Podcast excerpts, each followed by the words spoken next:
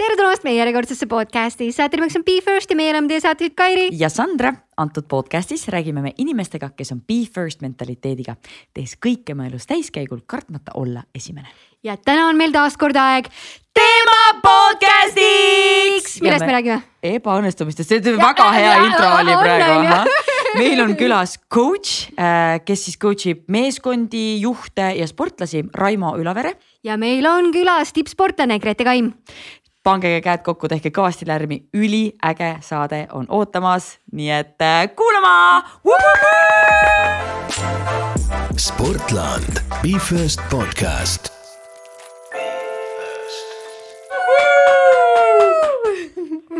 ja tere noh, kell on palju ka juba tead. ma ütleks, et meil õnnestus väga hästi sissejuhatus. jah aga ja. täna me vist sellest poolest väga ei räägi. E, me räägime kindlasti sellest ka, aga me räägime sellest äh, ebaõnnestumiste poolest ka. ehk siis fookusepisood on ja, meil. Need on, need on väga ägedad ja ma tõesti väga naudin neid. ja mul on väga hea meel, et meil on äh, selline hea kombo siin külas. täiesti kogemata, mina kutsusin teid külla, teadmata, et te olete neli aastat teineteisega koostööd teinud. just ja mina arvasin, et äh, võib-olla Raimo tõi siukse näite, et kõige hullem võib-olla et kellel, kes võiks rääkida tagasilöökidest ja asjadest. ja no mina arvasin, et äh, Grete on kuidagi mind siia noh, et, äh, et mina olen siis kuulnud, kui on siis juhtunud ja ja mis sellele kõik on järgnenud. no vot, tundub, et te lihtsalt ja. olete head ja soovite siia. nii meie alustame alati oma podcast'i ühe mänguga, me räägime esimestest siis, teie esimestest, meie alustame lauset, teie lõpetate ja nii lihtne ta ongi ise valite, kumb siis esimesena vastab, aga mina alustan siit kohe. esimene võistlus. ümber lasteaiajooks äh, vist äh, tulin auväärsele teisele kohale. Vau, kas, mis distants oli? no ümber lasteaia, no ma ei mäleta, see oli nagu, nagu on, et nagu ta lasteaiad H-kujulised olid ja siis, ja siis vudisin nii kiiresti sõin, aga, aga seal jah, minul rühmas oli üks Andri, kes kes kahjuks jooksis ähm, alati kiiremini, ta oli nihuke suuremat kasvu ka ja ega see rõõmus ei olnud see teiseks tulemine. tuleb tõesti tunnistada, et siiamaani on veel meeles, on veel Hinges. nimigi meeles. trauma, trauma lapsepõlvest kas see, see oli siis võib-olla ka esimene ebaõnnestumine? ei, see jah, no niimoodi ma päris seda ei, ei käsitlenud vist. okei okay,, tegelikult me küll räägime nendest ka aga minu jaoks on huvitav see, et kuidas nii noor laps üldse teise koha üle võib tunda natukene sihukest, et justkui läks halvasti, teine koht on ju väga hea, sest sul on ju selja taga terve rodu veel teisi, et miks see tundus? no ega lapsed ega ka täiskasvanud ju ei mõtle seda kuidagi ratsionaalselt, et sul on selja taga üheksakümmend üheksa ja ees on ainult üks, eks ole, et, et noh, Grete võib siin nagu tippsportlaste mõtlemisest lähemalt rääkida, et, et aga no ikkagi see üks on see tähtis, kes ette jäi sest see võistluslikkus on väga paljudesse meisse sisse istutatud ja juba lapsest saati, noh, kui sa lapsena tahad, et äh, lapsed midagi teeksid, pane, tee võistlus, et, et korralda võistlus ja lapsed udivad ja teevad mida iganes, et äh, see, see, see, see tahe nagu olla natukene teistest parem tähelepanu saada, midagi muud, see on meil sisse kirjutatud paljudele, et. kas see on siis sündides või see on keskkonna poolt kuidagi tekkinud? ei, ei, see on ikka niisugune sünnivärk sünnivärk, et, et see, see konkurents on ja noh, eks see on jah, seda saab siis nagu, nagu võimendada ja niimoodi või siis mitte võimendada vastupidiselt. aga, aga see, see tähelepanuvajadus, kuuluvusvajadus, väljapaistmisvajadus, need on kõik meil ikkagi, midagi antakse kaasa ka. no sportlaste coach'ina no sa muidugi coach'id äh, veel teisi inimesi ja, ja organisatsioone ka, aga kas pigem siis äh, julgustada seda võistlushimu või, või mitte? ikka julgustada, ikka julgustada, küsimus on, et mille nimel see käib. et see nii-öelda üksteisega äh, konkureerimine või võistlemine on minu arust väga tore, aga küsimus on, mida seal väärtustatakse ja see on nagu teema, et, et kui väärtustatakse ainult esimesi kohti või esimest kolme, et siis võidakse nagu üsna kiiresti olla probleemi ees, sest siis äh, mis siis saadakse, saadakse hästi palju nii-öelda noori talente, kellele kõik paitavad pead ja ütlevad, et issand, kui tubli sa oled, sa oled nii andekas, nii andekas, nii andekas. kuni nad jõuavad, eks ole, koolimeistriks, siis jõuavad äh, maakonnameistriks, siis jõuavad Eesti meistriks, siis lähevad maailma ja selgub, et maailm on tuhat andekat veel, eks ole, ja siis see kukkumine on hästi suur et see, see, et, et mida väärtustatakse, et see on küsimus, aga võistlemine siis ine, iseenesest mina ei näe küll midagi, midagi halba. Grete, kuidas sul esimese võistlusega? tahtsin täpsustada see, et ja tõepoolest, kui sa oled äh, maailmakarikal ja seal on sada kümme naist stardis, sa oled viiekümnes, kuuekümnes, sa ei mõtle, et äh, oh jess, et ma olin viiekümnes, kuuekümnes ja et äh, mõned meist või nagu mõned sportlased ei pääsegi üldse maailmakarikale, sa ei mõtle selle peale. sa ikka mõtled, viiskümmend naist oli ees, et selles suhtes väga õige, et üheksakümmend üheksa jäi taha. aga minu esimene võistlus ma alustasin hästi varakult igasuguste sihukeste tillu, tillujooksudega seal Tartu maratonil, et äh, need olid nagu sellised, mina võtsin neid reaalselt võistlustena, et see ei olnud naljategu seal, kuigi ma, ma ei võitnud.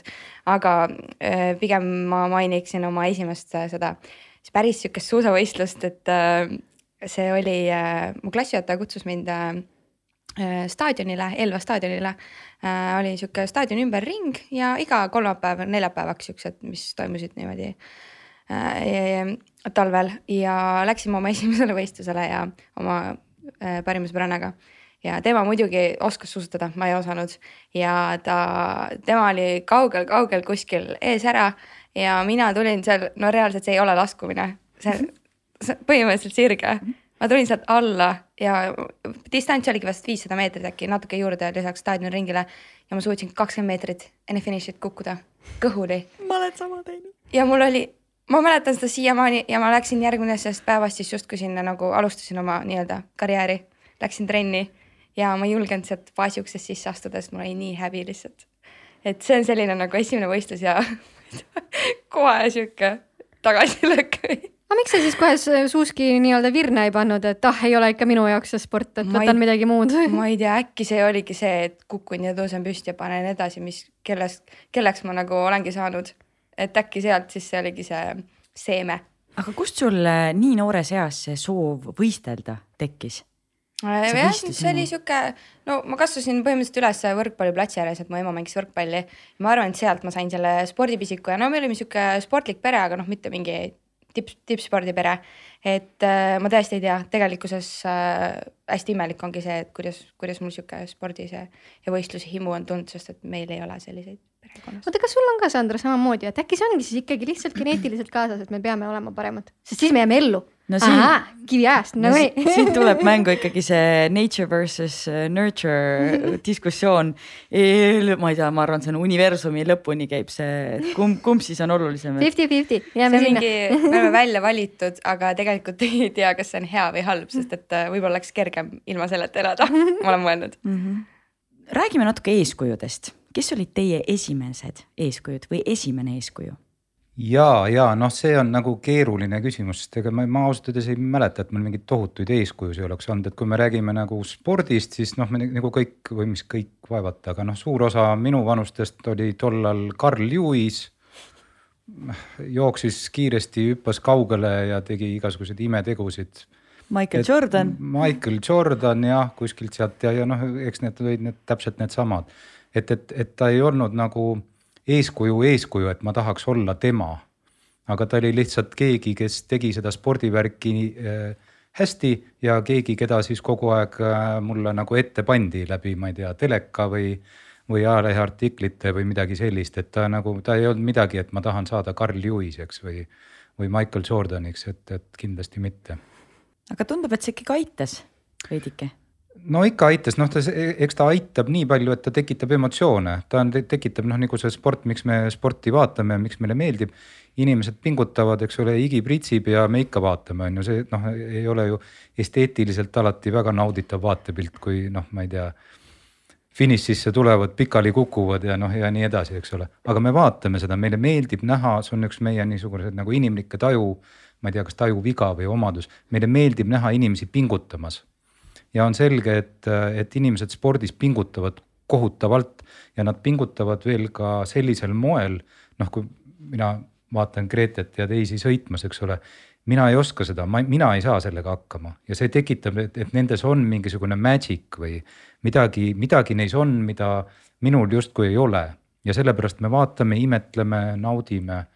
et see ja noh, Carl Lewis, ma arvan, et ma vaatasin teda umbes, umbes sama, samadel põhjustel, et see on mingisugune võlu. mingisugune müstiline magic, mis seal toimub. Grete, keda sina sellise näoga vaatasid? Äh, spordi poole pealt kindlasti Kristiina Šmigun, et äh, me Tartu maratoni rajal käisime emaga suusatamas ja no ma ei osanud suusatada, aga ema mind ootas seal kuidagi ja ma natuke puterdasin, et või noh, sain hakkama.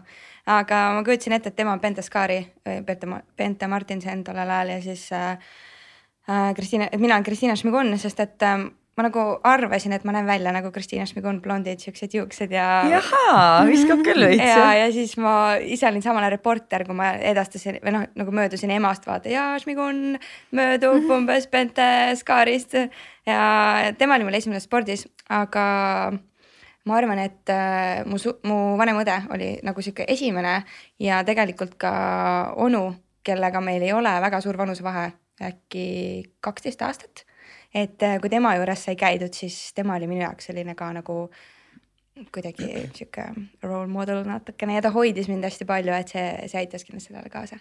aga mis need väärtused või asjad olid, mis tema puhul olid just? no vanem õde, ma arvan, oli just see, et noh, vanem õde kõik need riided ja kõik, ma ei tea, mis asjad, no endale selles mõttes lapsele ei sobinudki need asjad mm, -hmm. aga nagu noh, tiinekale, temal tiinekas sellel ajal, temale sobisid ja no ma panin, läksin kooli need tema asjadega, et selles suhtes on päris häbi mõelda.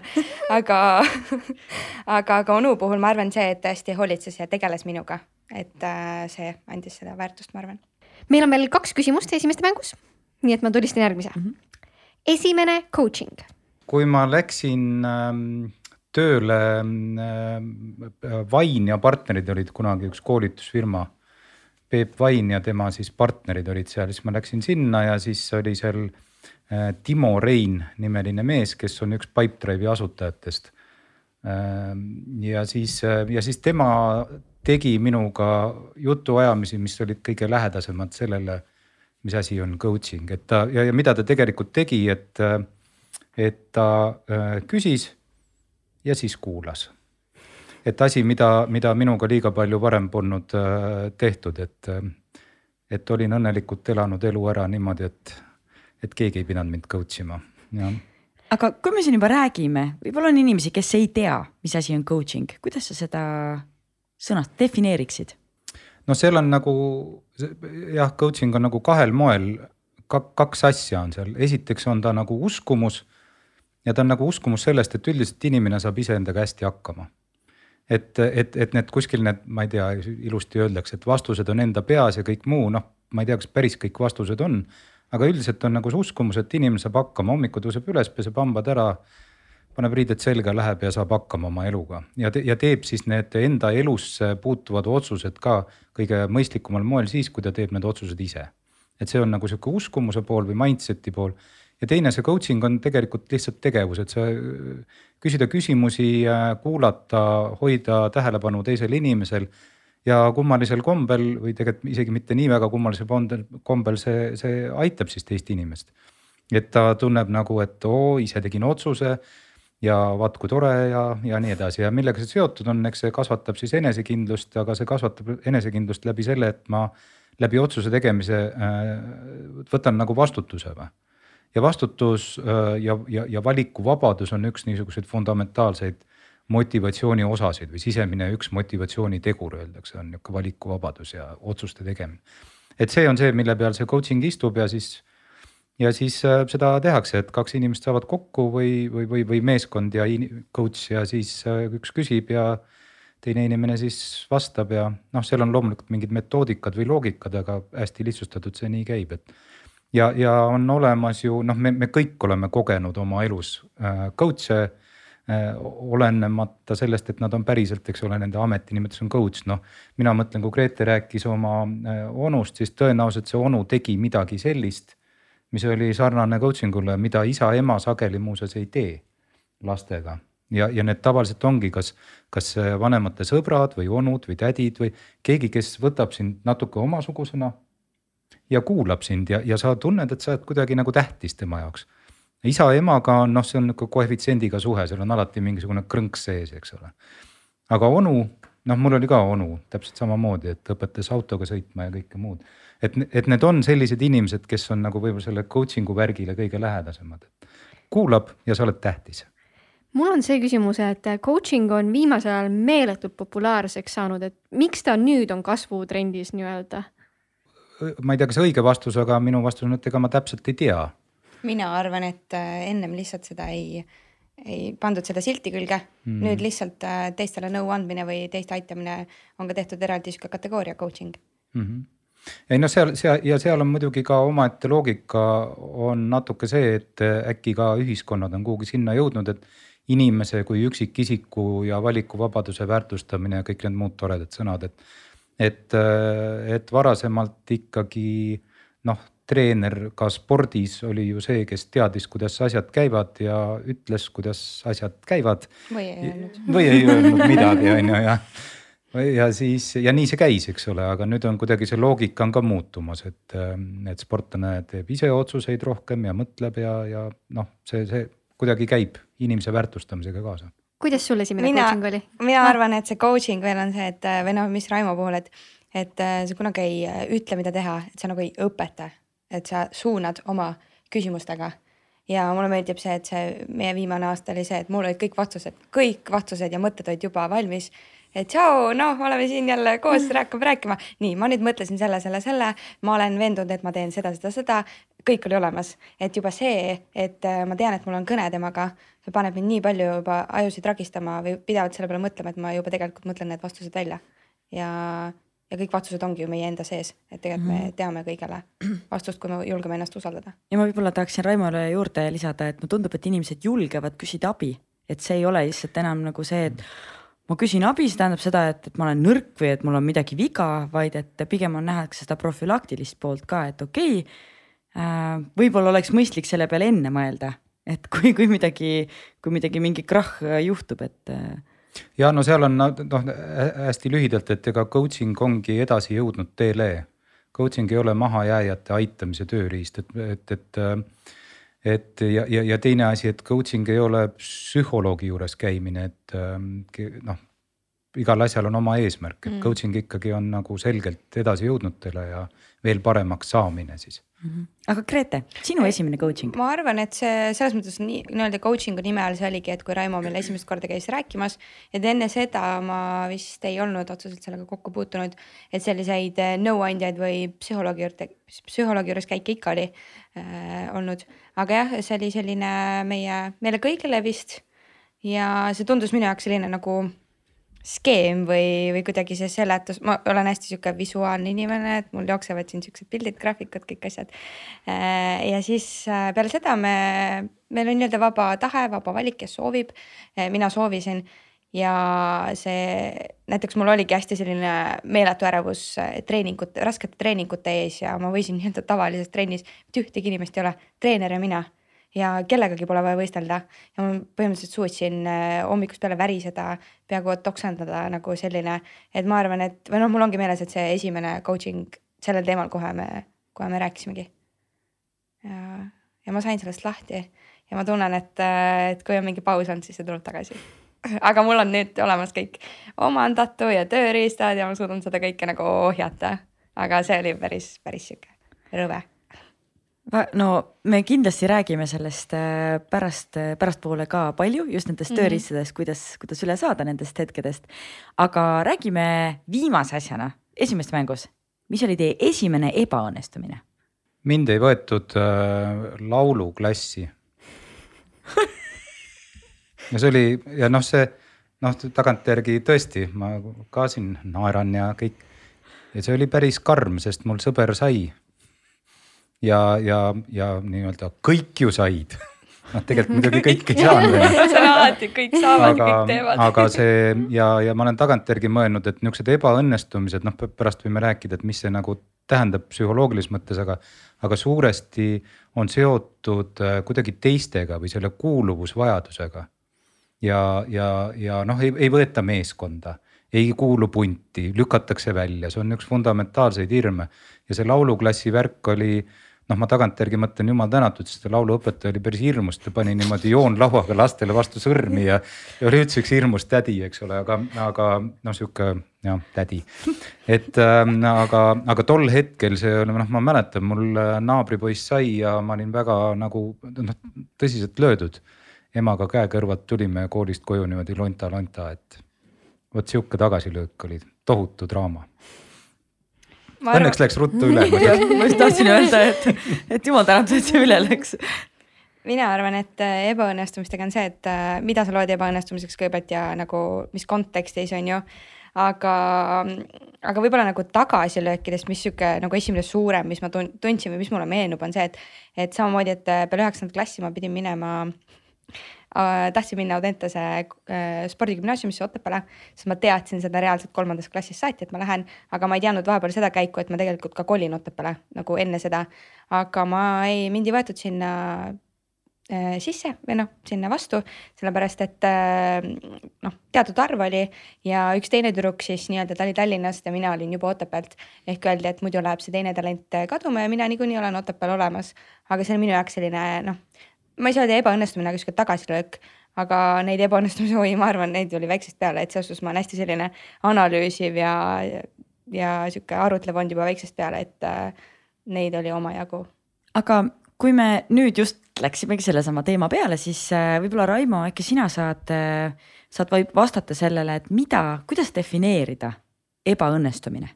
oh, ma jah, no eks neid definitsioone on igasuguseid, aga noh, see on noh, see paar niisugust asja, mis tundub olevat selle juures oluline, on see, et ebaõnnestumine on ikkagi ainult meie peas.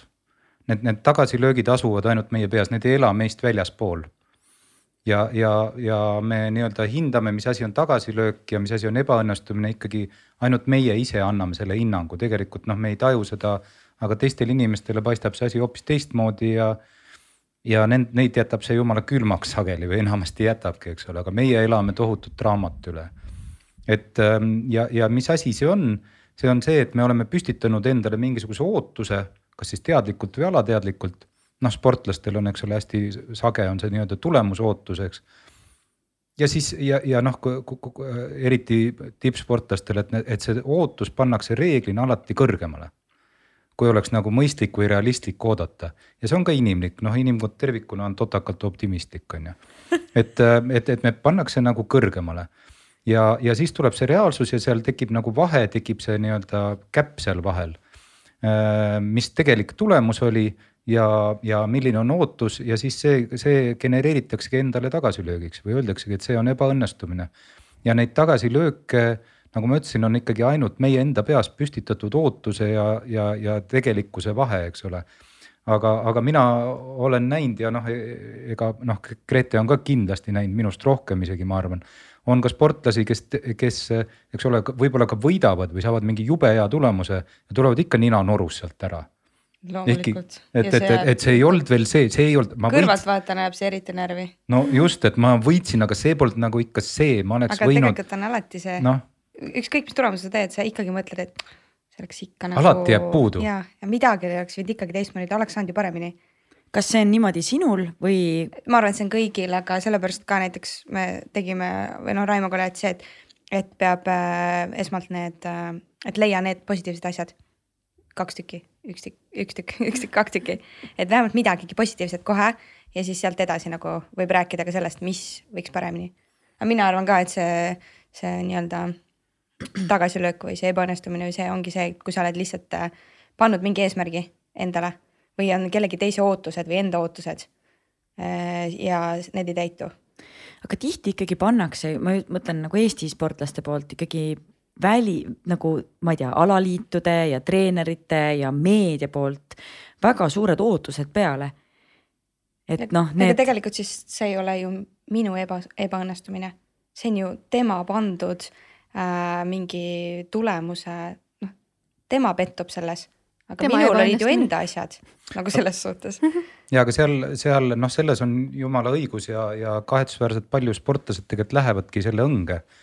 oli äh, ma ei taha nüüd väga konkreetseks minna, aga mõni suurvõistlus tagasi oli Anu Sääris tegi kõigi Eesti sportlastega enne võistlema minekut intervjuu ja, ja kui te nüüd kujutate ette, eks ole, see oli suve, suvealad ja siis ja absoluutselt iga sportlase käest äh, küsis ta nii-öelda tagaukse küsimuse. noh, kuidas tervis on? ja, ja see oli kohe niimoodi näha, kolm neljandikku sportlased hakkasid rääkima oma haigest seljast või millal tal midagi seal valesti läks, ole, ainult paar, ja ainult paar-kolm tükki suutsid nagu öelda, et see pole nagu teema, ma ei. Ja, ja mida nad sellega tekitasid, tekitasid selle, et nad eh, nii-öelda tagaukse tekitasid. seda kutsutakse nagu enda handicap imine või enne võistlust räägid juba, seda muuseas harrastussportlased teevad kogu aeg, ma käisin just Tartus jooksmas. Jälle paar tuttavat tuli ja rääkis, kuidas tal, ma ei ole üldse trenni teinud ja oi, mul ikka vasak jalg natuke kisub ja oi, ma ei tea. Ja siis läks ja jooksis, noh, nad tekitavad endale nagu va vabanduse ette, et juhul kui läheb jamaks, siis see on jumala okei okay,, eks ole, aga sellega nad genereerivad endale mingis mõttes seda tagasilööki juba. aga noh, nad, kuna noh, siis on mõnus otsida endale sihuke tore väljapääs sellest, siis, siis ah, noh, ma ju ütlesin, mul oligi ju näed, jalg nüüd läkski, eks ole aga, aga tipp, ka tippsportlaste puhul äh, seda täitsa teadlikult neid ootusi. esiteks meedia paneb või, või noh, ütleb nii, mis koht tuleb. noh, üha vähem sportlasi õnneks läheb õnge sellele. Ma olen väga rõõmus selle üle, aga teiselt poolt siis ka see, et, et, et tekitatakse endale nii-öelda nagu seda handicap'i, et juhul, kui ma fail in või ei tule päris see, mis avalik ootus on, siis noh, mis ma saan teha, mul ju jalg oli haige, eks ole. ja ärge siis mind maha tapke, et, et, et tegelikult on see ja seda võib-olla avalikkus ei taju äh, väga hästi. et see, see, see, see on, see on erakordselt ränk koorem kanda. seal kuskil olümpial Eesti särki ja oo kihvt, kihvt, lahe.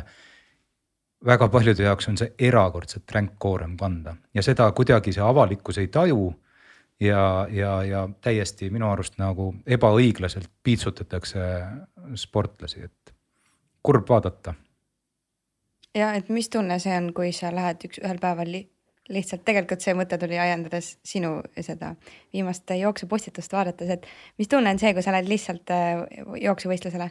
Mitte keegi tegelikult ei oota sult midagi ja siis ma samal ajal äh, noh, pakkisingi oma kotti laagrisse ja mõtlesin, et tead, see on vägev tunne kunagi minna niimoodi võistlema, et noh, see okei okay,, sul ei olegi neid võib-olla mingeid Eesti koondise riided seljas, aga, aga nagu keegi ei oota sult tegelikult midagi et see, see võib kunagi päris võimas olla. kas sa arvad, et sa suudad niimoodi minna? Ei, endale paned ikka siis selles suhtes äh, ootused, aga mm. just see, et, et eks sealt nagu kuklast ikka käib ju see läbi, et, äh, et kõik vaatavad ja, ja sihuke. sponsorid ja, ja kuidas ma nüüd niimoodi siis on ju. ja üleüldse noh, see on inimesed seal telekas no seda ma, ma just äh, lugesin eelmine nädal ühte uuringut Ühendriikides tehtud, et et selline nagu sportlasele kõige mõjusam negatiivses mõttes, ootuste mõttes on ikkagi, miks nad handicap ivad, miks nad teevad neid asju, on nii-öelda ühiskonna või sotsiaalsed ootused, mitte enda pandud ootused. et, et see on see, mis nagu murrab paljusid kahjuks. kas, kas sealt tulebki see hirm? sest et mulle tundub, et hirm ongi see, et mis, mis tekitab seda tunnet ja mis üldse üldiselt hoiab inimesi väga-väga tihti tagasi. kust see hirm tuleb? mina arvan, et hirm näiteks võistelda või hirm nagu tulemuse ees või. ebaõnnestumise ees. ebaõnnestumise ees. No jah, kindlasti on see, et on mingid kellegi ootused, sa mõtled nende peale. aga natukene võib-olla teistmoodi on see, et, et kui on hea seis, siis on see, tuleb see hirm, sest sa, sa tead, et justkui võiks minna hästi.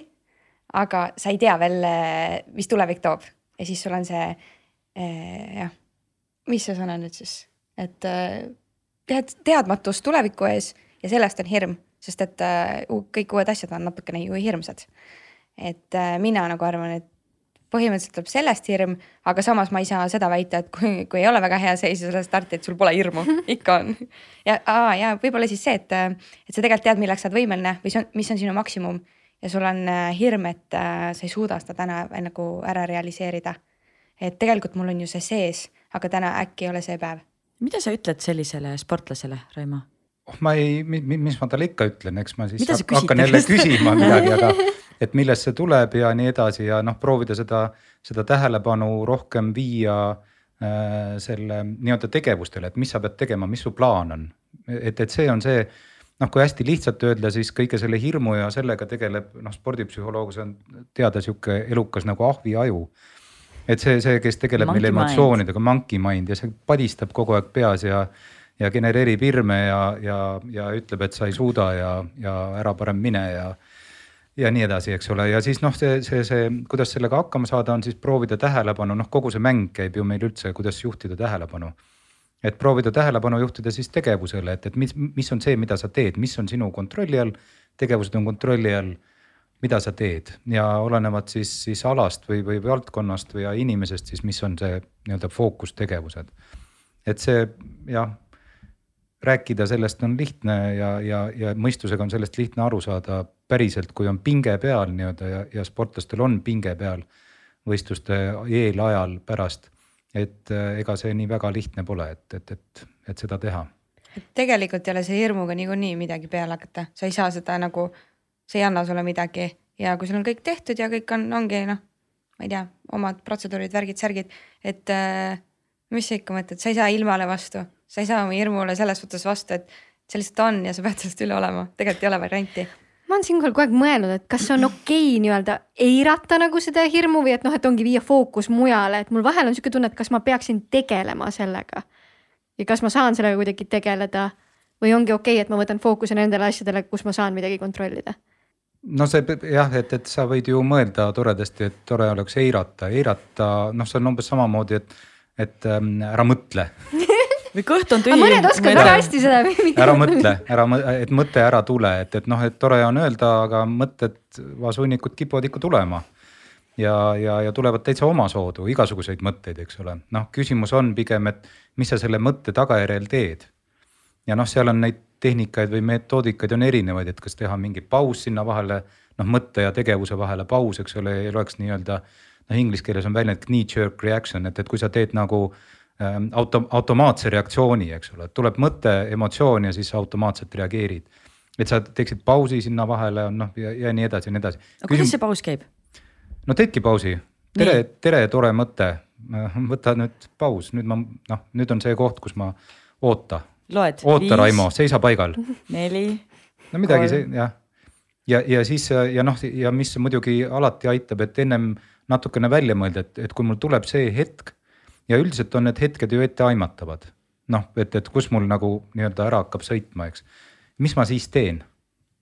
mitte lihtsalt, mida ma mõtlen, vaid mida ma siis teen, mis see tegevus on, et, et lihtsalt mõeldes ennast paremaks on väga keeruline igal juhul et niimoodi noh, et nüüd ma enam ei mõtle ja mõtlen ainult zen mõtteid, et mina seda vähemasti ei oska. aga see ei tööta, et mõtle positiivselt vot see, see töötab jah. selle asja nimi on muuseas, see, see on päris õudne asi, selle asja nimi on võltspositiivsus mm. -hmm. ja seda kaasajal psühholoogid lausa keelavad äh, kasutamast, et see, see, mida see teeb, see toob sind äh, veel kõrgemalt ja veel kiiremini alla et kui tuleb tagasilöök ja noh, tagasilöök tuleb, see ei ole küsimus, kas ta tuleb, vaid millal tuleb, eks.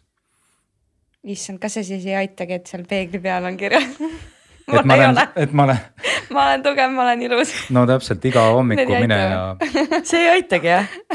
ei okay,, see aitab ikka, aga ma ütlen kuni esimene. ütle, mis aitab, ma lähen kirjutama postitudi ümber kuni esimene päriselt kõrge mägi tuleb piltlikult öeldes, et sinna see asi ära kuhtub tavaliselt aga palju räägitakse ka sellest, et äh, peabki läbi kukkuma ja peabki ebaõnnestuma, et äh, kas, kuidas see siis on, kas kõik ämbrid peab ikka ise ära kolistama või on, on, on mingid kohad, kus saab ka teiste pealt õppida? ja kuidas seda võimalikult turvaliselt teha, et ellu jääda selle käigus? ei pea, aga ikkagi kolistatakse ise loomulikult võid kellegi teiselt õppida, aga öelge mulle üks inimene nagu, kes on teiste vigadest õppinud. mingid pisikesed, võib-olla mingid ma ei tea, ikka ju kõik teed ise läbi. olenemata sellest, et kas sa näed või tead, mis tehakse. Noh, ma läheks veel kaugemale, ütleks, et öelge mulle üks inimene, kes on õppinud oma vigadest, et oh. täiskasvanud inimene õpib äh, oma edu kogemusest. ja mida ta üritab teha, ta üritab vigu vältida, ta üritab nagu seda teemat vältida, see on intuitiivne käitumine, et. et see, et me õpime enda vigadest, on üks tore mõte noh, ma ei räägi teiste vigadest ammugi mitte, enda vigadest õppimine käib meil ka paljudele üle jõu ikkagi. Me läheme edasi nagu enda edukogemustest, milles me oleme head, sealt me õpime, seda me teeme, me läheme sellest edasi, et väga-väga visalt käib meil see, et, et mis ma kõik valesti teen ja nüüd hakkan uut elu elama, et see, see väga, väga, väga raske on aga mida ma peaksin tegema, kui ma seal ämbris olen siis, mis, mis need sammud peaksid olema, et ma õpiksin reaalselt nendest vigadest? ma ei tea, kolistama ämbrit mis sa teed, Grete? No mul on ikka välja kujunenud see, et äh, aru ikkagi ühest korrast üldse ei saa, võib-olla ka kahest-kolmest, et äh, tuleb ikka, ikka väga mitu korda seda kõike läbi elada. aga on sul mingi nä- näiteks mingi konkreetne näide tuua, kus sa tundsid, et eh, jah, siin läks pahasti ja kuidas sa sellest õppisid? no võib-olla olen äh, konkreetsest, konkreetset näidet välja tuues näiteks äh, ma armastan väga treenida, ma armastan sporti teha ja ma olen kindlasti palju treeninud erinevatel aastatel äh, ja lapsest saati selles suhtes. aga ma olen teinud kindlasti valel ajal liiga tugevaid trenne, näiteks et ma olengi võistluseks väsinud või, või midagi sellist, aga ma olen saanud sellest aru ka sellel hetkel, aga ma ei ole seda tihtipeale muutnud. Et äh, võib-olla siis ma nüüdseks tunnen, et see on pärast kahtekümmend aastat nagu jõudnud võib-olla lõpuni kohale. aga jah, mõtle, kui palju selleks läks neid vigu. aga kas sa, kas sa oskad meenutada, et miks see ei jõudnud sulle kohale? no sa tahad ikka paremini ja rohkem ja äkki see ikkagi, äkki ma saan veel tugevamaks selles suhtes. aga no ei saa, sa jääd rohkem väsid mm. -hmm. Et võist-, võistelda ju selles mõttes ideaalne on ju puha- või noh, siukse kerge ja puhanud kehaga, kui, kui see, et sul on eh, ikkagi mingid eh, kogunenud väsimused, et see ei pruugigi olla nagu ainult eh, eelneva päev, eelneva treeningu väsimus, vaid ikkagi mingi kogunenud. no seal on jah, kui ma tohin lisada, siis see, mis Grete räägib, et see on niisugune nagu, sellest peab ka nii-öelda, ma ei tea, meie kuulajad on nii-öelda tavalised inimesed ka äkki, eks ole. Et sellest. meil on siin igasuguseid Jaa. kuulajaid, siin kuulavad sel- ma tean, et kuulavad ka tippsportlased. ja, ja aga sellest on väga raske võib-olla kõrvalt aru saada, noh, see on midagi, mis on tippsportlaste drive on, see on, see on nagu meeletu, kuidas ennast nagu, kuidas nagu lükatakse edasi ja, ja, ja see on see, mis sinna trenni nii-öelda ajab, noh, see ajab, et ma ei tee piisavalt. Aga see drive on nii tugev, et äh, ja see on täpselt nagu. lükkab nagu klapid ette ja kahjuks ja õnneks, et. kahjuks ja õnneks et täpselt. õnneks nagu oled sihuke, on ju, kes võib minna välja iga ilmaga, teha ükskõik nagu selles mõttes lõputult trenni. aga samas räägib see ka minu kahjuks, et ma ei, seda piiri tõmmata on nii raske, sellepärast et sa tahad kogu aeg ju saada paremaks. äkki veel läheks prooviks natuke sealt, ma ei tea, toda lihvida, toda asja, aga tegelikult ma väsitan ennast. et noh, endast rääkides puhtalt aga kui me mõtleme täiesti tavaliste inimeste peale, kuna Raimo, sina tegeled ju ka äh, juhtidega ja siis igapäevainimestega. tavainimesed. tavainimestega, et kas on mõni paralleel kõrvale tuua äh,, ma ei tea, juhti, juhtida näiteks äh,. ületöötajad. no seal on, nad on eh, jah, selles mõttes, et paralleel on kõrvale tuua küll, et nad on korporatiivsed atleedid, et, et päris paljud, eriti tippjuhid on väga sportlase mõtlemisega. Ja nad on eh, muuseas üsna sageli ka harrastussportlased, kes, kes sõidavad eh, ja, ja teevad kallima varustusega kui tippsportlased sageli. ja, ja, ja noh, kes siis vaatavad sauna eesruumis, kellel on suurem kell ja kõik muud jutud, aga aga, aga see drive on neil nagu äh,, drive on neil hästi sarnane. aga noh, nad nagu, nemad on seda nagu juhtimises väljendanud, aga noh, nad võtavad selle drive'i ka sporti kaasa. Et kui nad hakkavad tegema, siis kaunis sageli seal noh, niisugune harrastussportlaste seas on ka ikkagi täitsa tehakse, mahud on tippsportlaste mahud ja, ja mina ei tea, kust see aeg võetakse ja mis neil pere mõtleb ja nii edasi, et, et see on, see on hästi jah, ja see on levinud. no kui sa kõrvalt näed inimesena, et või sõbrana, ma ei tea, elukaaslasena, perega, pereliikmena, et, et see on, see olukord on käes ja see inimene ise ei mõista seda. Kuidas sa peaksid reageerima? kuidas reageerida? issand, mina ei tea, see on nagu küsimus pereterapeudile ja noh, peale selle ma, ma, ma ise teen ka üsna sporti. et mul on raske. sul on ka seda vaja ma, ma mõistan neid, et äh, aga no jah, võib-olla üks viis on see, et, et tuleb siis ka elukaaslane sporti saada tegema. et see on nagu, suhteliselt lihtne lahendus. ei, ma mõtlen, et, et kui näiteks äh, minu elukaaslane on inimene, kes äh, on selles, ütleme, mina ja Grete elame koos ja ma näen, et ta teeb väga palju sporti ja teeb mm -hmm. liiga palju ja see, ja see hävitab teda. mida mina saaksin minu teha? lähedased Et- seal jah ja., ongi elust enesest. jah, täpselt, et aga mida ma peaksin tegema, kuidas ma peaksin talle lähenema? see on raske, sest minu ei kohe vastureaktsioon, sa ei mõista mind. Just. või nagu sa ei, sa ei saa aru, mis on. ma olen teistmoodi, ma olen eriline, mul ongi no teistmoodi pean elu, ma pean minema, muidu ma jään maha ma ei tea, ma, ma tõesti ei tea, päris aus olles ma ei tea. vot, vot see on hea, äkki sellest võikski rääkida, sest et siis minu kõik lähedased teavad lõpuks, mida öelda. no aga, aga Grete, mida sa tahaksid, kuidas nad võiksid tulla? ma ei tea, ma olen selle peale mõelnud selles suhtes, et, et äh, mingil hetkel ma sain, sain aru, et ega neil vahest polegi midagi öelda. Et äh, olge lihtsalt nagu olemas, kas see on siis sihuke, et sa teed liiga palju trenni või, või et on kehvasti läinud. ma palusin neile alati lihtsalt, lihtsalt olge olemas, ma ei tea, kuidas, aga et ma ei tea, siis kuulake mind või, või, või mis iganes, püüdke aru saada, ma pean minema praegu, aga tegelikult ma olen väga igatsenud ka seda, et justkui nagu ütlekski siis keegi, et tead, nüüd ei lähe. Et äkki see oleks, hoiakski ära neid. sest et tegelikult, kui sa teedki liiga palju, siis see, kui sa ütled, et, et lihtsalt toetage mind, siis see justkui nagu ei aita ju. ei aita. no seal ma jah, kui ma selle peale mõtlen, siis see muutus peaks tulema kuidagi läbi selle, selle sportlase või, või, või nagu väärtusmaailma, et ta, ta teeb seda, aga ta pole rahul, ta ei saa noh, ta sportlikus mõttes saab võib-olla trenni teha, on rahul, aga elust on nagu midagi puudu ja siis tekib mingi muutus, et, et, et kuidagi sedapidi võib-olla tekib, et aga, aga see, et sellesse ma äh, liiga palju ei usu, et tuleb keegi kõrvalt ja ütleb, et Grete, lõpeta nüüd ära, ma arvan, et see pigem vastupidi tekitab nagu, oleneb ütleja Jah., kes ütleja on, aga vastupidi tekitab trotsi, et mida mm. vabandust sa minu elust üldse tead, et ma siin, mul on oma tee sest sa ei saa muutuda, kui inim-, sa ei saa inimest muuta, kui ta ei taha muutuda. või see klikk peab seest tulema jah. et seal võib-olla ei olegi. kui me arutasime siin enne, et meil on väga palju erinevaid kuulajaid, et üks asi on tippsportlased, tavainimesed, meil on ka väga palju emasid, kes kuulavad. ja kui te rääkisite ka oma ebaõnnestumist, siis õige need lapse ebaõnnestumised ka, et kuidas lapsevanemana toetada või aidata oma lapsi, kes ebaõnnestuvad mingites asjades, kas seal on mingid nipid-trikid? ma püüan tagasi mõelda, kuidas, kuidas minul, kui ma olin, kuidagi, kui ma olin noor või väike ja, ja et milli-, mida ma olen mõelnud, mida mina ise teeksin.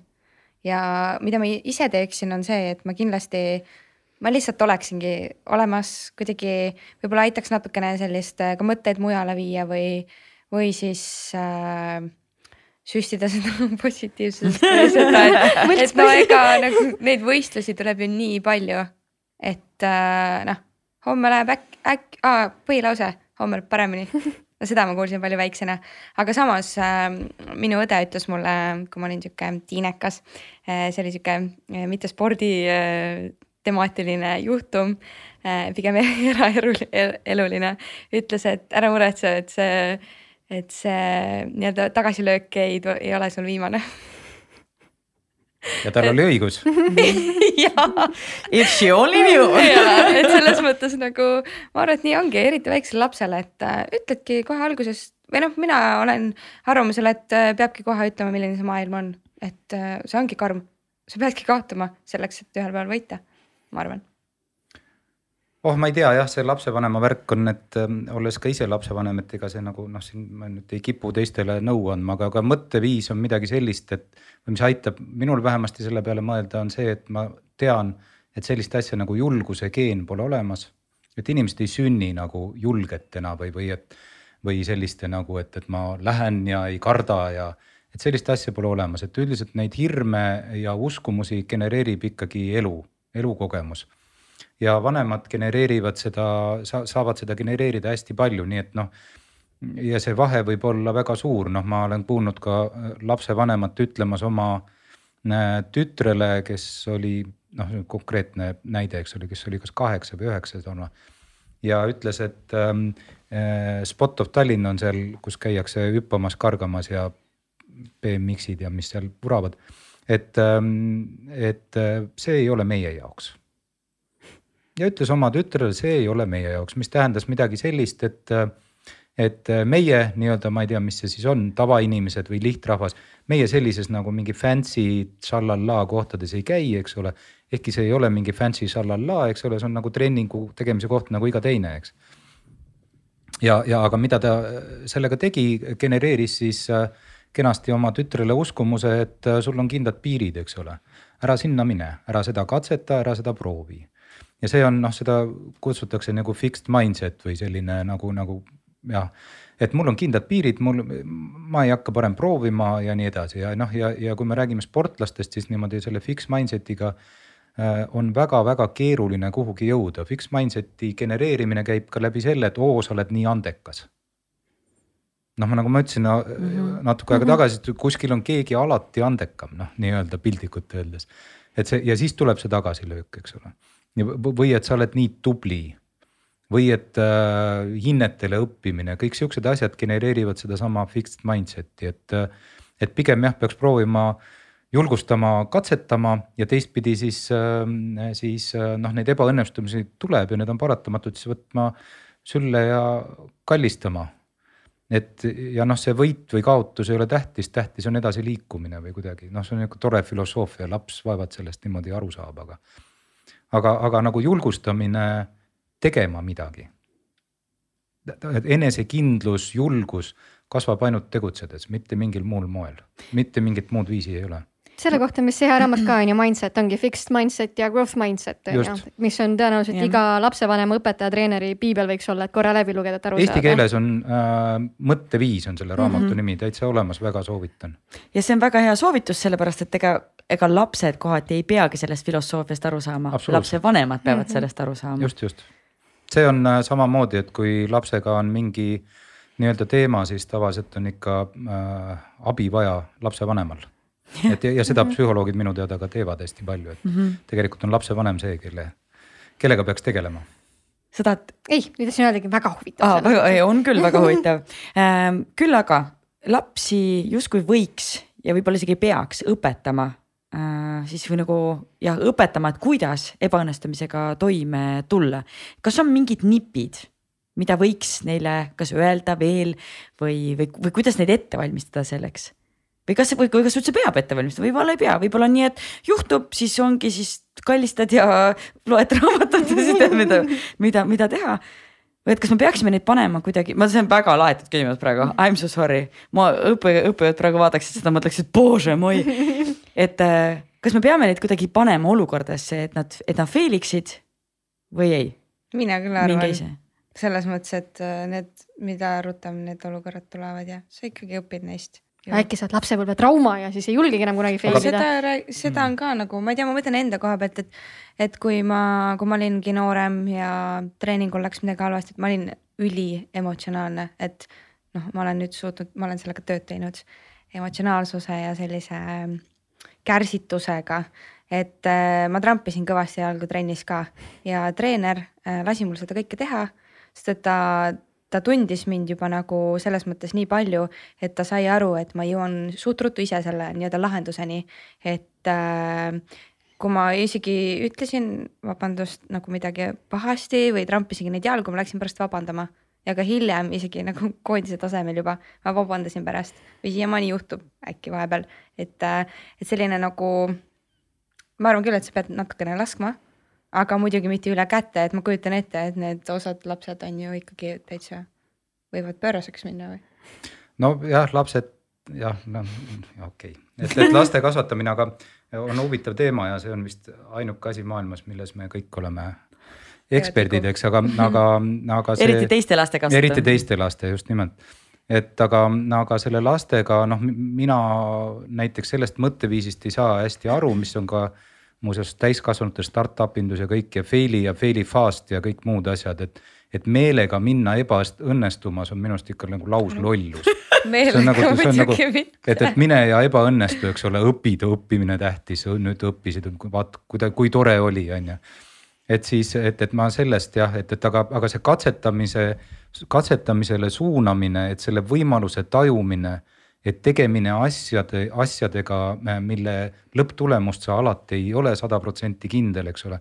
minu arust see on nagu väga-väga äh, tervitatav ja teine asi, mis ma just noh, kuna Grete istub siin kõrval, siis Grete on selles nagu ülihea, on äh, aidata lapsel sõnastada oma emotsioone. et, et emotsioonide, noh, seda on ka uuritud, et, et mida äh, paremini sa suudad nagu sõnastada, panna asjadele nime. mis asi see on, mida ma tunnen? Et tõenäoliselt seda parem emotsioonide kontrollija sa tulevikus äh, oled, et, et kui see, kui see tunne, mida ma tunnen, on lihtsalt, ma ei tea, seal on üks viha ja kõik, eks ole siis, siis on sellega nagu keerulisem tegeleda kui see, et tegelikult võib olla, ma ei tea, äng, viha. et sa tead, kust see viha see, tuleb. et see on nagu erinevad asjad, erinevad nimed on asjad ja, ja need on erinevad tunded. et see on see, mida, mida võib-olla lastega äh, ma ei tea, saab teha või et kui, kui juhtub see, siis küsida, mis sa tunned. just, et rääki, siis... rääkida, et mida sa tunned, sest tegelikult on ju kommunikatsioon äh, täiskasvanute vahel, aga ka ju laste nii-öelda lastega suheldes on ju key kui me räägime juba noortest, siis ähm, päris äh, popp temaatika on ka see, et kas me üldse peaksime noortele panema hindeid, panema kohti, kas see on üldse vajalik. mis teie sellest arvate? No väiksena seal tillujooksudel ju kõik said ju diplomi ja keegi ei võitnud. ma olin tegelikult päris õnnetu, sest kui need mõned jooksud ja suusatamised mul ikka väga hästi läksid, ma olin päriselt teine seal maratonil või mis iganes, siis ma olin küll pettunud, et kõigil neil on number üks ja kõigil on medal. et selles suhtes, aga ei no kui ma seal taga olin, siis mul oli jumala hea meel, ma ei teagi, kes võitis. no ma jah, ma ei ole kasvatusteadlane, ma selle kohta ei oska, ma, ma, ma, minu jaoks jookseb see vahe kuskil, et kuidas ja mida väärtustatakse ja noh, selle kõigile number ühed, siis on selge väärtus on äh, osalemine, pingutamine, sest noh, seal on, see on paratamatu, see on ka umbes pooled inimestest, kui nad lastakse stardis lahti koos teistega, teevad parema tulemuse. teistega konkureerimine on, et nad saavad ja, ja, ja noh, pingutuse tunde kätte ja pingutus on motiveeriv paljude jaoks. Et kõik need toredad retriidid eemale pingest ja kõik muud on toredad, aga minu pea neid ära ei söö, et see on minu jaoks täitsa absurd. et siis peaks tegema vastupidisid, need retriidid, pingesse. pingutusretriit, no see on spordilaager. see on laager jah aga tegelikult mulle tundub, et äh, miks väga paljud ei, ei oskagi seda teha, on see, et nad ei ole süstemaatiliselt teinud trenni ja nad ei ole õppinud äh, pingutama. Kuidas, kuidas tundub, kas, kas siis peaks kuidagi ikkagi sundima kõiki inimesi mingil hetkel sporti tegema ja, ja pingutama? kas see võiks aidata? oh jumal, Grete, kas peaks sundima? no ma mõtlen selle peale, et mul on äh, sõpru, kes on äh, sportlased ja kes ei ole sportlased ja ma olen äh, nooremana seal vahel olnud, püüdnud mõlemaid mõista. tänaseks päevaks ma saan aru nendest inimestest ka, kes ei taha sporti teha, kes ei, ma ei, nad tõepoolest ei viitsi minna. Ja ma tegelikult saangi aru, et, et see nagu see on seal diivanil võib-olla ka mõnus tema arust, no mitte minu arust, aga nagu noh, ma saan aru, et talle meeldib seal olla või et ei taha vihmaga välja minna, et ei peagi. Tema pingutus võib ka kuskil mujal on ju, et tema võib-olla pingutas töö juures on ju, et mitte sportides, vaid just vaimset poolt, et kas see pingutus peab alati füüsiline olema. aga samas püüan ma ka nagu kuidagi ikkagi mõjutada või seletada seda, et see on nii hea tunne ja aga see, mis äh, Grete räägib. Need on eri maailmad, selles suhtes me ei saagi, peame mõistma. selle, sellel on väga palju teadust taga, meie suur enamus emotsioone, neid kutsutakse tegelikult, emotsioonile eelneb sihuke asi nagu afekt nagu ma ei tea, kuidas afektiseisund, need on nagu, need on äh, emotsioonieelsed seisundid ja see saab alguse kehast. ja see on lihtne asi, kui sul on nälg, siis sul on tuju halb, kui sa oled väsinud, on sul tuju halb, noh, ühesõnaga see saab alguse ja füüsilise liikumisega on hästi-hästi palju emotsioone seotud ja noh mina arvaks, et võib-olla ei pea kõik äh, sporti tegema, mitte võib-olla, vaid päris kindlasti, et seda pingutust saab ka mujal küll aga võiks olla mõtteviis, et üldised äh, äh, asjad siin ilmas, need asjad, mida me tahame, et juhtuks, juhtuvad ikkagi läbi pingutuse, et, et me peame ja, kuidagi punnitama, eks ole. Et... no just. jah, just, et kui ma nagu, sest minu meelest on üleüldse sport ja nii-öelda ükskõik mis äh, muu äh, temaatika siin elus on, on sama printsiibi järgi, et, et äh, sa pingutad, mina pingutan rajal, aga mu sõbranna pingutab tööl või kus, kus iganes mm. -hmm. et selles suhtes äh, ikkagi jah, tõepoolest, et mida iganes sa elus tahad või noh, sa pead ikkagi tööd tegema, vahet pole, mis töö see siis on või nagu pingutama selle nimel. Ja, ja see ja uskuge mind, see nii-öelda motivatsioon on tegelikult tagajärg, motivatsioon on teo tagajärg, ehk me tunneme suuremat naudingut siis, kui me oleme pingutanud ja me selle midagi siis saavutame, eks ole no me kõik oleme kogenud tunnet, et kui me midagi tasuta ja niisama saame, siis selle asja väärtus on meie jaoks, eks ole. see kaob ära tavaliselt no just, üli, ülikiiresti. just või siis oleme pingutanud, eks ole, et, et see on väga tuntav, tuntav vahe aga kujutame nüüd ette, et mina tahaksin pingutada, ma tahaksin hakata sporti rohkem regulaarselt äh, tegema, aga ma olen nii mitu korda ebaõnnestunud sellega, et ma alustan ja siis jääb pooleli, see jääb katki ja siis on nii raske uuesti alustada, kas, kas ja mida või kuidas te suunaksite mind, et ma ikkagi leiaksin oma, sest mul on tahtmine olemas, aga see ebaõnnestumise faktor on seal nii tugev küljes, et äkki ma jälle ei saa hakkama. ja ma tunnen küll seda, et ma olen sellises situatsioonis, kuna ma tunnen, et ma olen, ma tahan, tahaksin jubedalt kogu aeg kedagi aidata, ilma et üldse teadmaks, kas inimene tahab, et ma teda aitaks aga ma tahaks nagu hullult sportima suunata või et nagu mine liiguta või tegelikult noh, seda tunnet, et see on ülimõnus ja kasvõi mingi väike jooksutiir või väike kõnd. et äh.... noh, seal on jah.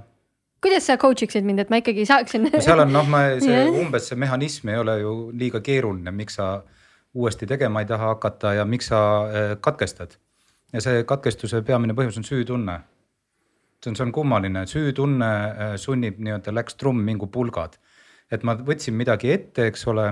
Äh, see jäi pooleli ja nüüd ma tunnen ennast nagu natuke pahasti, ma olen justkui süüdi, kas iseenda ees või teiste ees või midagi sellist, eks ja ja, ja see ja seepärast on ka raske pihta hakata, et ma tunnen seda, ma ei taha seda tunnet tunda. ma ei taha seda tunnet uuesti tunda, aga viimased kolm korda on läinud nii, eks ole. Ja, ja pea on meil sihuke nagu, nagu otsib kogu aeg mustrit, siis sinu peas on tekkinud juba muster või uskumus, et noh ega see neljas kord läheb ka samamoodi, on ju. aga kuidas ma sellest mustrist lahti võiksin saada, on midagi, mida ma saan ise teha?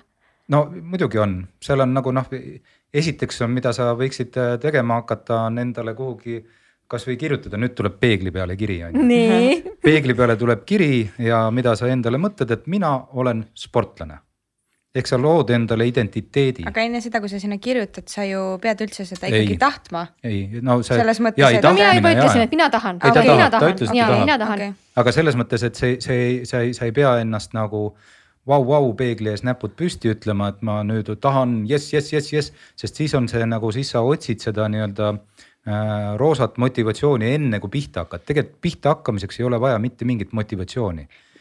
tegema lükkab meid vajadus sul on vaja seda teha, see on, see on, kas see vajadus tuleb seestpoolt või kuidas me teda nimetame, aga see on vajadus.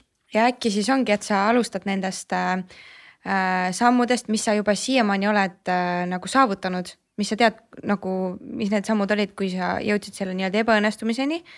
käid neid jälle läbi ja siis võib-olla, kui sa seda, sul on see piir seal, et no nüüd tegelikult noh, sealt edasi ma ei julge minna, sellepärast et sealt tuli see ebaõnnestumine, siis võtad pool sellest et teed selle poole ära, vaatad, tegelikult sain ju hakkama, mis see teine pool veel minna on ja juba oledki tollest kohast üle. ja siis juba läheb lepase reega. no Grete läheb noh, nagu teooria järgi ka väga õiges suunas, et tuleb see ära määratleda. noh, kui sa tahad trenni hakata tegema kolm korda nädalas, siis ega see väga keeruline ei ole, mõtled, et ma olen sportlane, mida sportlane üldiselt teeb trenni. kui ta trennis ei ole, siis ta Tre ei ole sportlane, eks ole.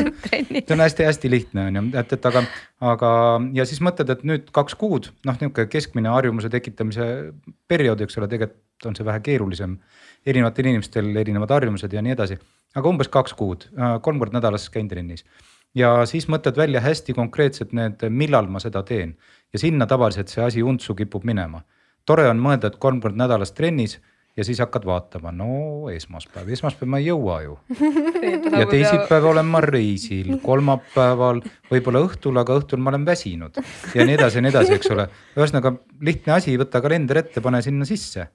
ja see on sama tähtis asi kui mis tahes koosolek, eks ole. ja siis mõtle, mis sul sellel ajal tegemata jääb, see on ka nagu trikk, et kui sa, ma olen küll näinud inimesi, kes ütlevad, et hommikuti hakkan käima, ma siis vaatan nii mis sa muidu hommikuti teed? no ma armastan kaua magada, okei okay., kuidas see siis nüüd nagu, kuidas see siis muutub, eks ole. või et ma ei tea, lapsed on vaja kuhugi saata ja nii edasi, on ju. sa pead vaatama, et, et, et mõtlema nagu keskkonnast, mis meid ümbritseb, on, on, on nagu vaenlane.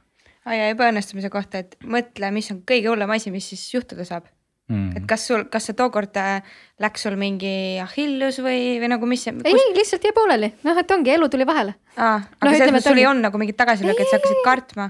Ei noh, ütleme, et ongi klassikaline näide on see, et äh, hakkan trenni tegema, kui mingit eesmärki ei ole, et kui treenid mingiks Ironmaniks või midagi, siis ei ole probleemi, on ju. aga kui on vaja igapäevaselt lihtsalt trenni teha, siis elu tuleb vahele. ongi, koosolekuid on rohkem, on ju, salvestame siin Aga- õhtul aga kella mina- üheksani, on ju.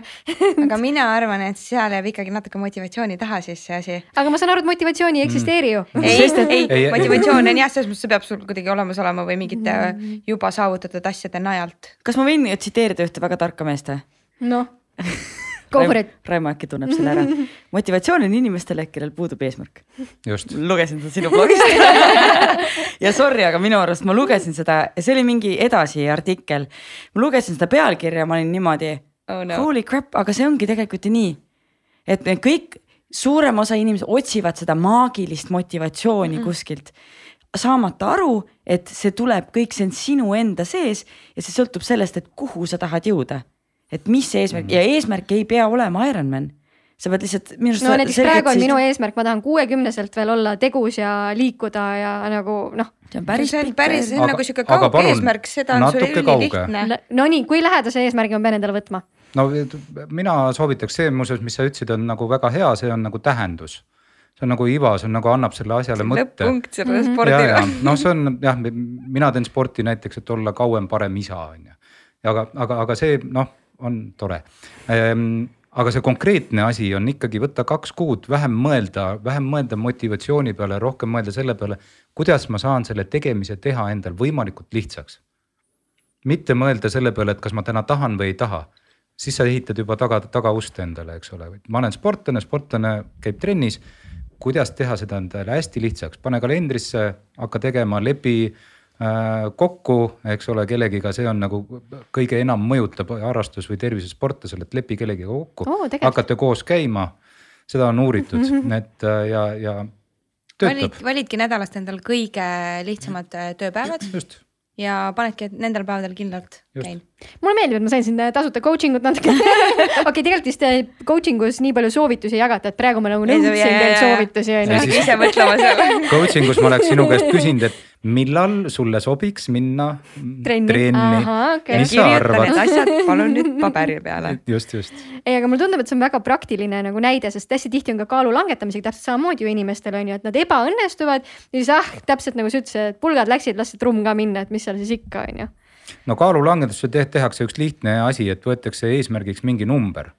Ja see on samamoodi nagu sportlased võtavad tulemus selle, ma ei tea, pean sinna kohale tulema, et ja sellega fail itakse, noh ootus, rahulolu või see, mina, mina olen selle tunnetel põhinev inimene alati ja mina ütlen, et kaalulanguse puhul näiteks, et see, see tunne, kus sa oled kas õnnelik mm. või rahul.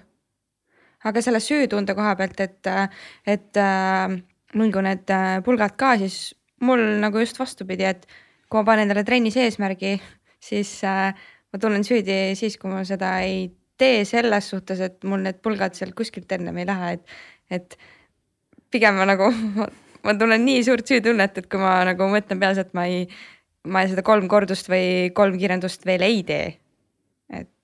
No mina arvan, et sa oled ka noh, nagu Nojah, ka paljud teised tippsportlased oled sa nagu natuke teistmoodi peaga ka. et, et neil Te on olete te kummalised olendid. see ma püüan hirm, mõista kõiki inimesi. hirm sellest, et kui ma selle tegemata jätan, on suurem. äh, jaa, just. nagu sina, Sandre. et jumala eest Jah. jäta tegemata. ja, ja pärast treener näeb veel, siis on, siis on jama. kuulge, noored, me oleme siin nüüd väga palju rääkinud juba, kas sul on mingi asi, mida sa kindlasti tahaksid Jaa. küsida ebaõnnestumise kohta? ma tahaks küsida, et kuidas läheneda sportlasele äh, pärast võistlusi, kui ta on ebaõnnestunud äh,. mida küsida, mida öelda? kas võib siis täitsa kohe enda näite põhjal, mis meie tegime äh,. ebaõnnestunud võistlus äh,, tavaliselt äh, nii ruttu kui võimalik äh,, noh, telefon ei ole alati nii lähedal, et ma ei võta seda sinna stardialasse või finišialasse. aga kui ma jõuan äh, boksi, siis ta-, suusaboksi, siis ma tavaliselt panin selle kohutava sõnumi kõigepealt teel ära, siis läksin võib-olla peale sõitma, ma sain juba nagu esimese siukse väljaelamise välja, selles suhtes ma võin sellega kuskile universumisse saata, aga mul on see, et, et ma tean, et äh, mul tuleb nagu mingi tagasiside vastu, et Raimo nagu vastab mulle ja, ja põhiliselt oli see see, et äh, mõtle enda jaoks äh, paar positiivset asja sellest äh, võistlusest ja selles suured emotsioonid praegu kõrvale jätta, et sellest analüüsist ei tule hetkel midagi välja, kuna emotsioone on liiga palju ja räägime siis kas õhtul või järgmine hommik või, või kuidagi, kuidagi niimoodi mm. -hmm. no sa kirjeldasid täpselt seda, mis nii-öelda ja mis see teooria on, aga te, noh, teooria on selline, et kui sul on ikkagi jama ja mingi jama juhtub, siis noh, nagu Grete ütles, et ära analüüsi ei, pea ei ole adekvaatne mitte kuskilt otsast, siis, siis mõeldakse ennast hädaorgu ja, ja kogu maailm on hall ja must ja kõike muud. ja, ja teine asi, mida Grete ka ütles, et ja mitte ainult tippsportlastel, kui on mingi jama, siis tuleb punkt üks tõusta püsti, punkt kaks tossud jalga või midagi muud ja mine liigu, tee füüsiline liikumine. ja selle taga on hästi palju teadust, see on seesama kehast tekivad emotsioonid, et sul on võib-olla peas äh, käib tohutu tohuvapohu ja jube elu hakkab otsa saama, eks ole. aga kui sa liigud, siis, siis see keha annab nii-öelda ajule sõnumi, et noh, on jama küll, aga vähemasti liigud. et sa oled elus. paljudel võib-olla siis naistel aitab nutmine ka ja minul aitab ka nutmine. meestel või võiks ka aidata? või, või ma ei tea, mul, ma ei ole nagu väga näinud ühtegi meest, kes tuleb, ma ei tea, ma nutsin tühjaks ennast. et ma ei mina ole, olen näinud. ma olen näinud mehi äge. nutmas loomulikult, et see või kurbasid ja nii, aga nagu äh, mina küll tunnen reaalselt, et äh, ma pean ennast äh, äh, tühjaks, kui ma tühjaks nutan, siis on nii kerge edasi minna, aga ega see tegelikult nut, tühjaks nutmine ei tule ka nii lihtsalt. et peale igat võistlust nutad tühjaks, et äh, see ei tule. aga aga kõrvalseisjana, näiteks kui Grete, kui sul on olnud halb äh, võistlus, siis mida sa minu poolt ootaksid, kui ma näiteks olen sinu lähedane või? ja seda, seda olemasolemist mm, -hmm. seda on väga raske seletada jah, mis see on. aga kuidagi jah, võib-olla äh, mul on üks sõbranna, kes tõ tõesti ta nagu ei ole osanud, kuna ta on mul sünnist saati olnud sõbranna, et siis äh, ta nagu võib-olla ei ole, ta ei ole ise sportlane ja ta ei ole võib-olla suutnud nagu seda maailma nii hästi kuidagi nagu äh, toetada mind nagu sõnaliselt aga ta hakkab mulle alati mingit nalja tegema, mis on, mis on nagu üliarmas ja ma saan aru, et see on tema viis mm -hmm. selleks. ja tegelikult ongi igal nagu inimesel siis kuidagi eri viis. juhib äh, tähelepanu. jah, just tähelepanu eemale ja, ja just, et nagu mõtle, et äh, ma ei tea, et noh, mis ongi mingid head asjad elus aga ma ei tea midagi konkreetsemat, see on, see on väga sihuke delikaatne teema, ma ütlen, sest sa võid nagu haiget ka teha mingite mm oma lausetega no,. haiget saab täitsa palju teha ja, ja õudselt lihtsalt, haiget saab teha näiteks nii, et et on ebaõnnestunud võistlus ja siis äh, kõrvalt tuleb ja ütleb, et ah, see pole midagi, tuleb uus võistlus. ja aga, aga Issand, sa ei saa öelda, et see pole midagi, see on minu elu. midagi tähtsamat, noh. ja, ja, ja ah, pole midagi ja läheb, noh, seda tehakse lastele ka, no see on nagu noh, see, see, sellel hetkel noh, kuidas öelda, see, mis meil peas toimub, näivus ongi reaalsus, noh. me, me ei su suuda sellest aru saada, et tegelikult on see üks võistlus pikas reas ja see võtab aega, see seedimine, eks ole. aga noh, kui me räägime tippspordist ja tegelikult ka nagu vähem, vähem tippspordist, siis vabandust, aga see käib asja juurde, see tulebki üle elada seal, aga, aga seda ei tohi nagu, nagu väiksemaks teha, seda ei tohi nagu äh, nagu teistpidi ka võimendada, hakata koos kurtma, et issand, läks metsa ja ma nägin jah, issand ja seal sa ka ei jaksanud ja, ja üleüldse on ju, et et noh ka niipidi ei tohi, aga see minu arust väga ilus mõte oli see kohalolek või oled nagu olemas, mina, mina olen seda olnud ja seisan kõrval ja olen vait mm. -hmm. ma teen siis, kui inimene ütleb, et ma teeks midagi. ja et selle pealt mul on ka üks hea näide mm,. meil oli siin mõned aastad tagasi kombeks niimoodi, et äh, kui võistlus läks äh, untsu, tegid seal omal staadionil kõik asjad ära ja siis äh, no võimalikult kiiresti. ja et ühtegi tiimiliiget väga ei näeks, treenerit ammugi mitte, sest et siis on pisarad valla ja saad. tuleb see nagu vestlus on ju, mis tegelikult on vajalik, mis toimub niikuinii hotellis hiljem. aga esimese transpordiga kiirelt hotelli ja siis kõik otsivad, et oh, et noh, kus staadionit, kas läinud või mis on ju. ja siis me tegime treeneriga, tolleaegse treeneriga kokkuleppe, et äh, sellel hooajal me ei lahku enne staadionilt, kui äh, me oleme omavahel midagigi rääkinud, et äh, noh, see näitab ka juba seda, et meil oli mingi kokkulepe, ta, ta justkui nagu hoolis, ta oli olemas, et ükskõik, kuidas läheb, et ma tean, et, et ma ei ole seal üksi kusjuures see on väga hea point, et äh, kas kokkulepe ja tegelikult sportlase poolt ka, kui sportlane ise ei anna oma lähedastele signaali või ei ütle, et teate, ma tunnen ennast pärast äh, võist-, ebaõnnestust võistlust niimoodi ja palun tehke nii.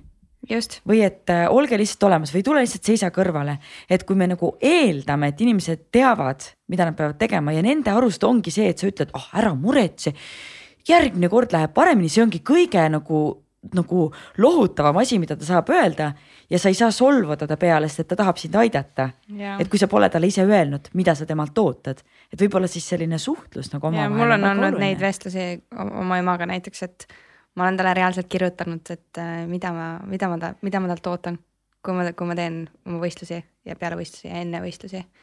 et äh, me, meil on ka siuksed kokkulepped, et ta tegelikult see on puhtalt tema ajendil, et äh, ta säästab mind kõigest halvast, kui ma olen võistlustel. eks sihuke, sihuke kokkulepe et see on, see on justkui nagu sama, et äh, ma ei, ma ei saa mingeid kohutavaid uudiseid enne starte mm. -hmm. et äh, teeb asja lihtsamaks. nii, okei okay,, fänniküsimused. siin on tegelikult üks äh, otse Gretele. küsimus kohe ära, mis ala sa teeksid, kui sa poleks laskesuusataja? ma tean, kes selle küsimuse küsis äh,. no kunagi ma vastasin sellele, et ma teeks mingit lumelauda ja mäesuuska ja no ühesõnaga ilmselt ma midagi taliala teeksingi. aga jah, mul siin väike sihuke äh,, ma ei saa öelda, mitte salasoovike, aga sihuke väike ala on küll, mida ma tahaksin proovida. Ja selleks on odavise Vau, okei, see on väga spetsiifiline, millest see soov nüüd siis? ma ei tea, ma olin alati sellisel nagu mõtlemisel, et äh, suveolümpia ma olen kergejõustiklasi hinnanud äh, tohutult ja, ja see on minu suve öö, sündmus, kui ma vaatan kergejõustikut. ja ma alati mõtlesin, et no minust nagu ei saaks, mul ei ole seal mingit ala nagu teha. Ma ju ei saa, sada, sada meetrit on nagu kõige kohutavam asi üldse maailmas, mida teha. aga ma ei, elus ei lähe jooksma seda. ja ma ei tea, see tuli sihuke mm, välk selgest taevast sel suvel, et ma tahaksin odavise proovida ei no aga see võimalus on olemas ju. ma arvan, et kontaktidest puudust ei tule. Just. go for it. siin tekkis küsimus või õigemini siin oli soov, tahaks paremini ebaõnnestuda. kuidas sellele vastata? kuidas me seda üldse nagu lahti seletaks, mis on paremini ebaõnnestuda, äkki see ongi siis see, et kuidas sellest paremini üle saada või? näiteks või kuidas sellest, ma ei tea, õppida? et kuidas jah teha nii, et sa ei lähe, et mingisse auku ei kuku, kui Aga sa fail'id, et sa saaksid ma- võimalikult kiiresti sellest no, üle ma läbi ütleksin need neli punkti, vaata, et mis äh, teha.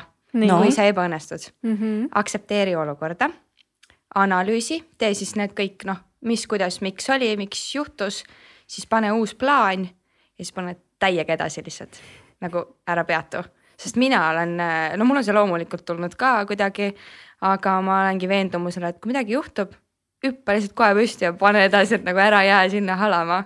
ja ma arvan, et äh, äkki see on paremini ebaõnnestumine. no see jah, tekkis ka paar mõtet, et esiteks peaks tegema vist sellise asja, et kas see on üldse ebaõnnestumine, noh, okei okay,, see on niisugune, tunne on ebaõnnestumine, siis ta on. aga, aga võib-olla selle õppimise koha pealt, et noh, see on ka no, minu arust õudne mõte, et igast tagasilöögist peab õppima ja iga ebaõnnestumine on õppimist väärt ja oh, oh, ma ütleks, ma tahaks seda inimest näha, kes niimoodi elab, et. sellepärast ongi vaja kohe panna edasi. no jah, no võib-olla jah, et, et võib-olla teha see valik, et äh, noh, väga suur osa elus asjadest, mis meil juhtub, nende asjade nimi on äh, jama eesti keeles, inglise keeles kõlab paremini, aga et, et äh, ühesõnaga asjad, millega sul pole mitte midagi peale hakata, asjad lihtsalt juhtuvad, jama juhtub. ja, ja kui see on seda tüüpi asi, siis mina väga toetan Gretet, et äh, tõuse püsti, mine edasi ja, ja on mingisugune väike kogus asju, kust on siis midagi äh, ka õppida. ja siis mul on üks Kanada spordipsühholoogi üks metoodika ka, mis mulle hirmsasti meeldib. et kui on nagu piisavalt suur jama, siis võta pastakas ja paber ja siis kirjuta, mis juhtus endast kolmandas isikus, see on nagu, seal on tugev psühholoogia taga, sa distantseerud nagu sellest asjast, eks. siis voldi see paber kokku, ära üle viieteist minuti kirjuta, voldi see paber kokku neljaks. niimoodi põmm-põmm-põmm ja siis pane see sinna äh, asjade hulka, kuhu sa paned asju, mida sa ei taha, et keegi kunagi näeks. ja siis pühi niimoodi käed puhtaks, naerata viis sekundit, ütleb metoodika ja mine edasi. selline metoodika. Mis see loogika on, et See see on- on... ma, ma avastasin ka, et kui ma kirjutan asju ülesse, siis mul on lihtsam teha seda nii-öelda kolmandas isikus või et, et mitte nagu enda kohta, et mis see loogika seal see taga on on? distantseerumine, see on tegelikult väga hea metoodika, seda teeb äh, Jüri Ratas, kui talt küsitakse raskeid küsimusi. aga ta teeb seda intuitiivselt tõenäoliselt, aga, aga, aga see, see on inimlik, kui sa suudad nagu noh, kõrvalt vaatab inimest mõistus aga see ahviaju tahab möllata selles hetkes, eks ole, emotsioonid ja kõik muud on ju. aga kui sa suudad ennast kõrvalt vaadata, siis sa oled juba astunud sammu nagu sellest tohuvabohust välja. ja see kolmandas isikus endast mõtlemine ongi nagu kõrvalt vaatamine, et see on umbes sama, et äh, kujuta ette, mida ütleks sulle sinu parim sõber ja noh, see on samamoodi, sa distantseerud iseendast. ehk siis see on täiesti okei okay,, sest ma mõtlesin, et miks see nii kummaline, et ma tahan kirjutada nagu. absoluutselt, kui sa Jüri Ratas ei ole, et siis mulle näiteks, mulle meeldis see naeratuse osa, sest et äh, olgem ausad, et, et tihtipeale, kui on mingi piinlik olukord, sa lihtsalt naerad ju.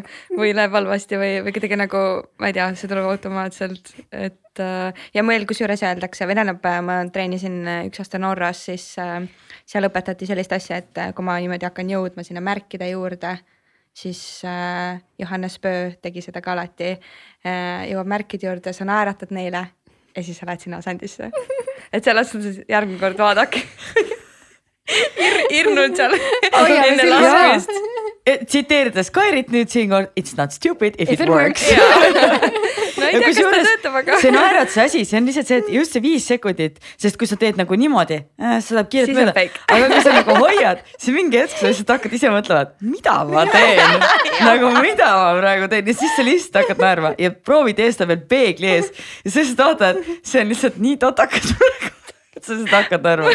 ma pean sulle rääkima, see oli Sotši olümpia, siis esimene start, sprint ilmselt ja ma ei tea, mis eufooria või noh, mis see oli, et ilmselt oli neid valgusteid liiga palju ja ja sihuke nagu kõik oli valge ja kogu see mingi kellaaeg oli ju hiline ja ja ma jõudsin sinna finišisse nagu thank god, et neid videosid vist olümpia omasid ei või olla üleval või mis on see mingi seadus?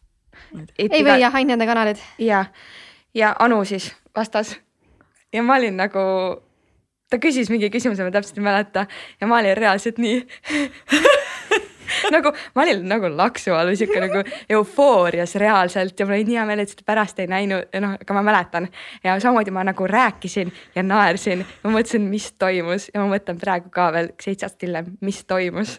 et see naer või kuidagi see naermine, see oli see hirm ja, ja kõik vist korraga, et selles suhtes see ongi. okei okay,, vau.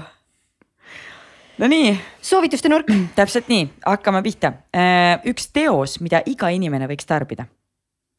olgu siis näidend, podcast, raamat, näitus.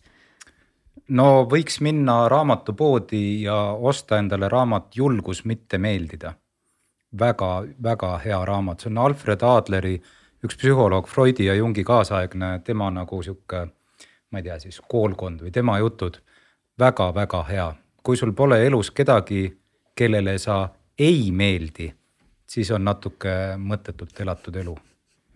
see on, seal on, seal on väga palju igasuguseid väga-väga häid asju paneme kirja. mina mõtlesin selle peale, et äh, näiteks raamatutest äh, vali mingi raamat äh,. mina olen hästi autobiograafiate äh, armastaja, et valige enda valdkonna, noh, kuidas sa tunned, kas sa oled mingi ärimees äh,, sa oled äh, ema äh, või tippsportlane, et vali kellegi nende inimeste elulugu ja sa saad sealt raamatust äh, need vastused ja selle tunde, et sa ei ole üksi oma mõtetega, et äh, mina lu- äh, lugesin ja vaatasin äh, Šmiguni raamatut niimoodi, et mina vä, mina vä, mina vä. Ja siis, mis hästi mulle läks äh, südamesse, oli Andrea Kassi see äh, Open. ja ma lugesin See- selle reaalselt ühe autosõiduga vist põhimõtteliselt läbi, et, et just noh, minule meeldivad need biograafiad ja ma, ma leian nagu sealt, aga podcast idest äh, ma kindlasti pean selle mainima, on, ma ei ole nagu kindel, kuidas see hääldus on õige, Lewis House. Lewis House, House mm. -hmm The School of Greatness. puhas kuld lihtsalt ja neid episoode tuleb nii tihedalt, et sa selles mõttes äh, noh, sul ei hakka igav ja muidugi be first, sest et kõik osad kuulatud. True fun. nii järgmine soovitus, üks oskus, mida iga inimene võiks õppida. No ja see on nüüd nagu keeruline, iga inimene võiks õppida, et, et iga inimene võiks tänapäeval õppida ära sihukese asja nagu äh, üksi olemise. see, see minu arust on nagu äh, ka, kadumas see oskus, et, et äh, üksi iseendaga hakkama saamine, üksi oma mõtetega. Et see on midagi, mis noh, see kõ- kõlab kummaliselt, aga noh, on tehtud ka toredaid eksperimente, et inimesed on nõus pigem saama või panema, vajutama endale elektrišokke, kui olema üksi oma mõtetega. ja see on kummaline, miks see nii on, aga noh, mulle tundub, et see on mingisugune väärtus või oskus, mis aitaks meil olla paremini kohal ja, ja, ja elada nagu väärtuslikumat elu. üksi olemine oma mõtete ja tegemistega. väga hea. mul soovitus. ühest vastust jälle ei ole. kindlasti oskus on ju kuulata, et äh, see on hästi oluline. Ma olen, äh, ma pole seal või noh, nooremana polnud selles väga hea, aga nüüd olen arenenud. siis loomulikult nii-öelda oskustest äh, ujumine, sellepärast et sa ei noh, sa ei upu ära ja iga inimene võiks süüa ka osata teha, on ju, ja autoga sõita, sest need on praktilised asjad. aga mis ma nüüd nagu enda koha pealt, millega ma ise nii-öelda olen struggle inud, on äh, enesesse uskumine sest me päriselt nii-öelda suudame mägesid liigutada, kui me endasse usume.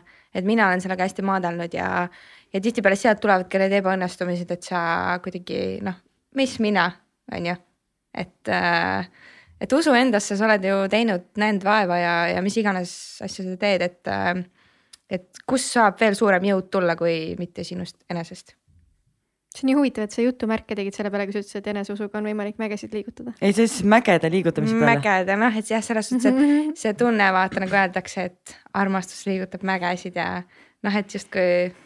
no see, no see on see tunne jälle, ma räägin, ma olen sihuke emotsioonide ja tunnete inimene no aga äkki siis see järgmine soovitus äh, võib ka sulle äh, sobida, et üks oskus või üks praktika, mida iga inimene võiks õppida enda maharahustamiseks eh,? Oh jumal, see on nüüd küll keeruline, aga, aga võib-olla esimene asi peaks õppima ohkama. et see, see, seda on ka psühholoogid soovitanud, esimene asi, kui on jama, siis ohkamine aitab.